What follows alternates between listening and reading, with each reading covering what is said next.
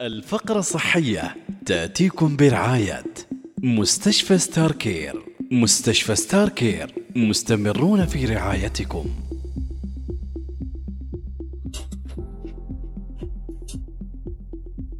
ويا صباح الصحة والعافية عليكم متابعينا أكيد في كثير من الأشياء من حولنا اللي آه، يعني تسبب لنا الضغوطات وتسبب لنا القلق في حياتنا.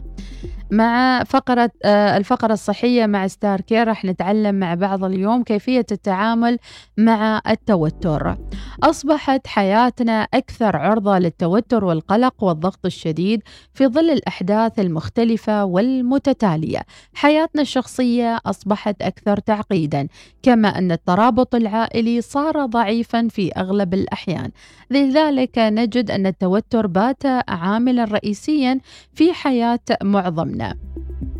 إن الإصابة ببعض التوتر قد يكون مفيد أحيانا فالعديد من الناس بحاجة إلى مستوى معين من التوتر اللازم وخاصة في أداء المهام على الوجه الأمثل.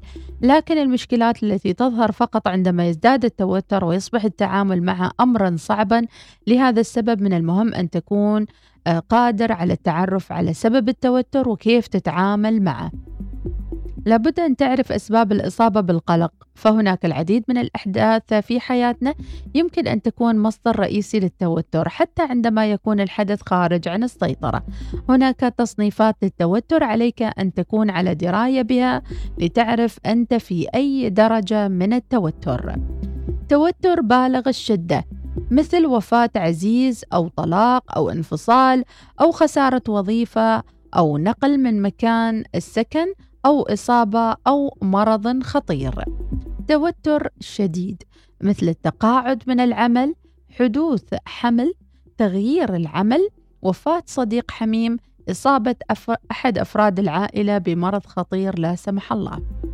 توتر المعتدل مثل تحمل ديون كثيرة مثل الأقساط، حدوث مشكلة مع أم الزوج أو أبو الزوج، بدء الزوج بعمل أو توقفه عن هذا العمل مشكلات مع صاحب العمل وغيرها من التوتر بدرجة متوسطة.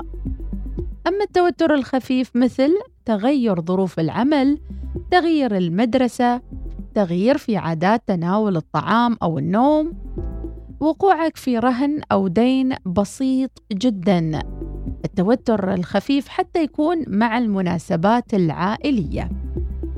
بعد ما عرفنا درجات التوتر من بالغ الشدة إلى توتر شديد إلى توتر معتدل إلى توتر خفيف. خلونا نعرف معاكم كي إيش هي النصائح لنخفف هذا التوتر من حياتنا.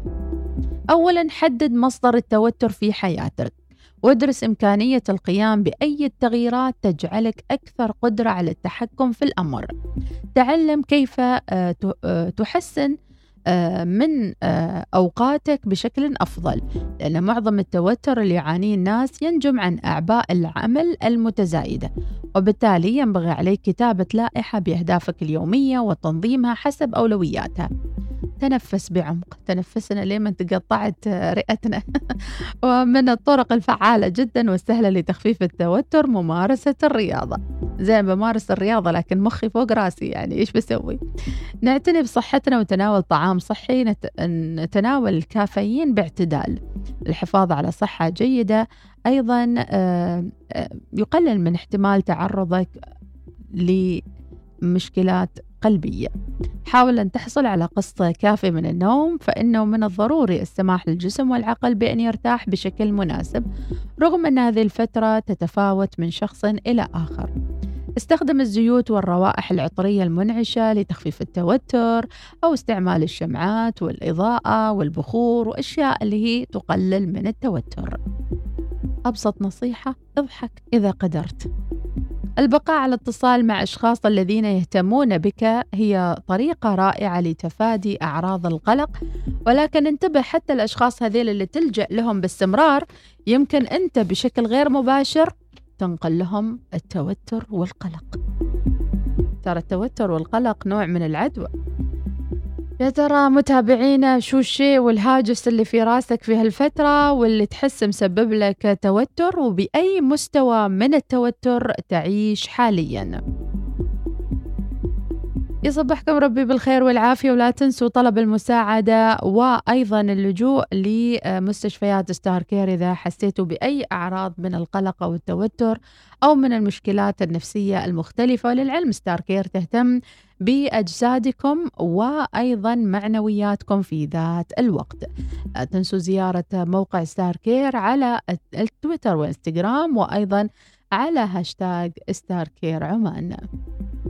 الفقرة الصحية تأتيكم برعاية مستشفى ستار كير مستشفى ستار كير مستمرون في رعايتكم.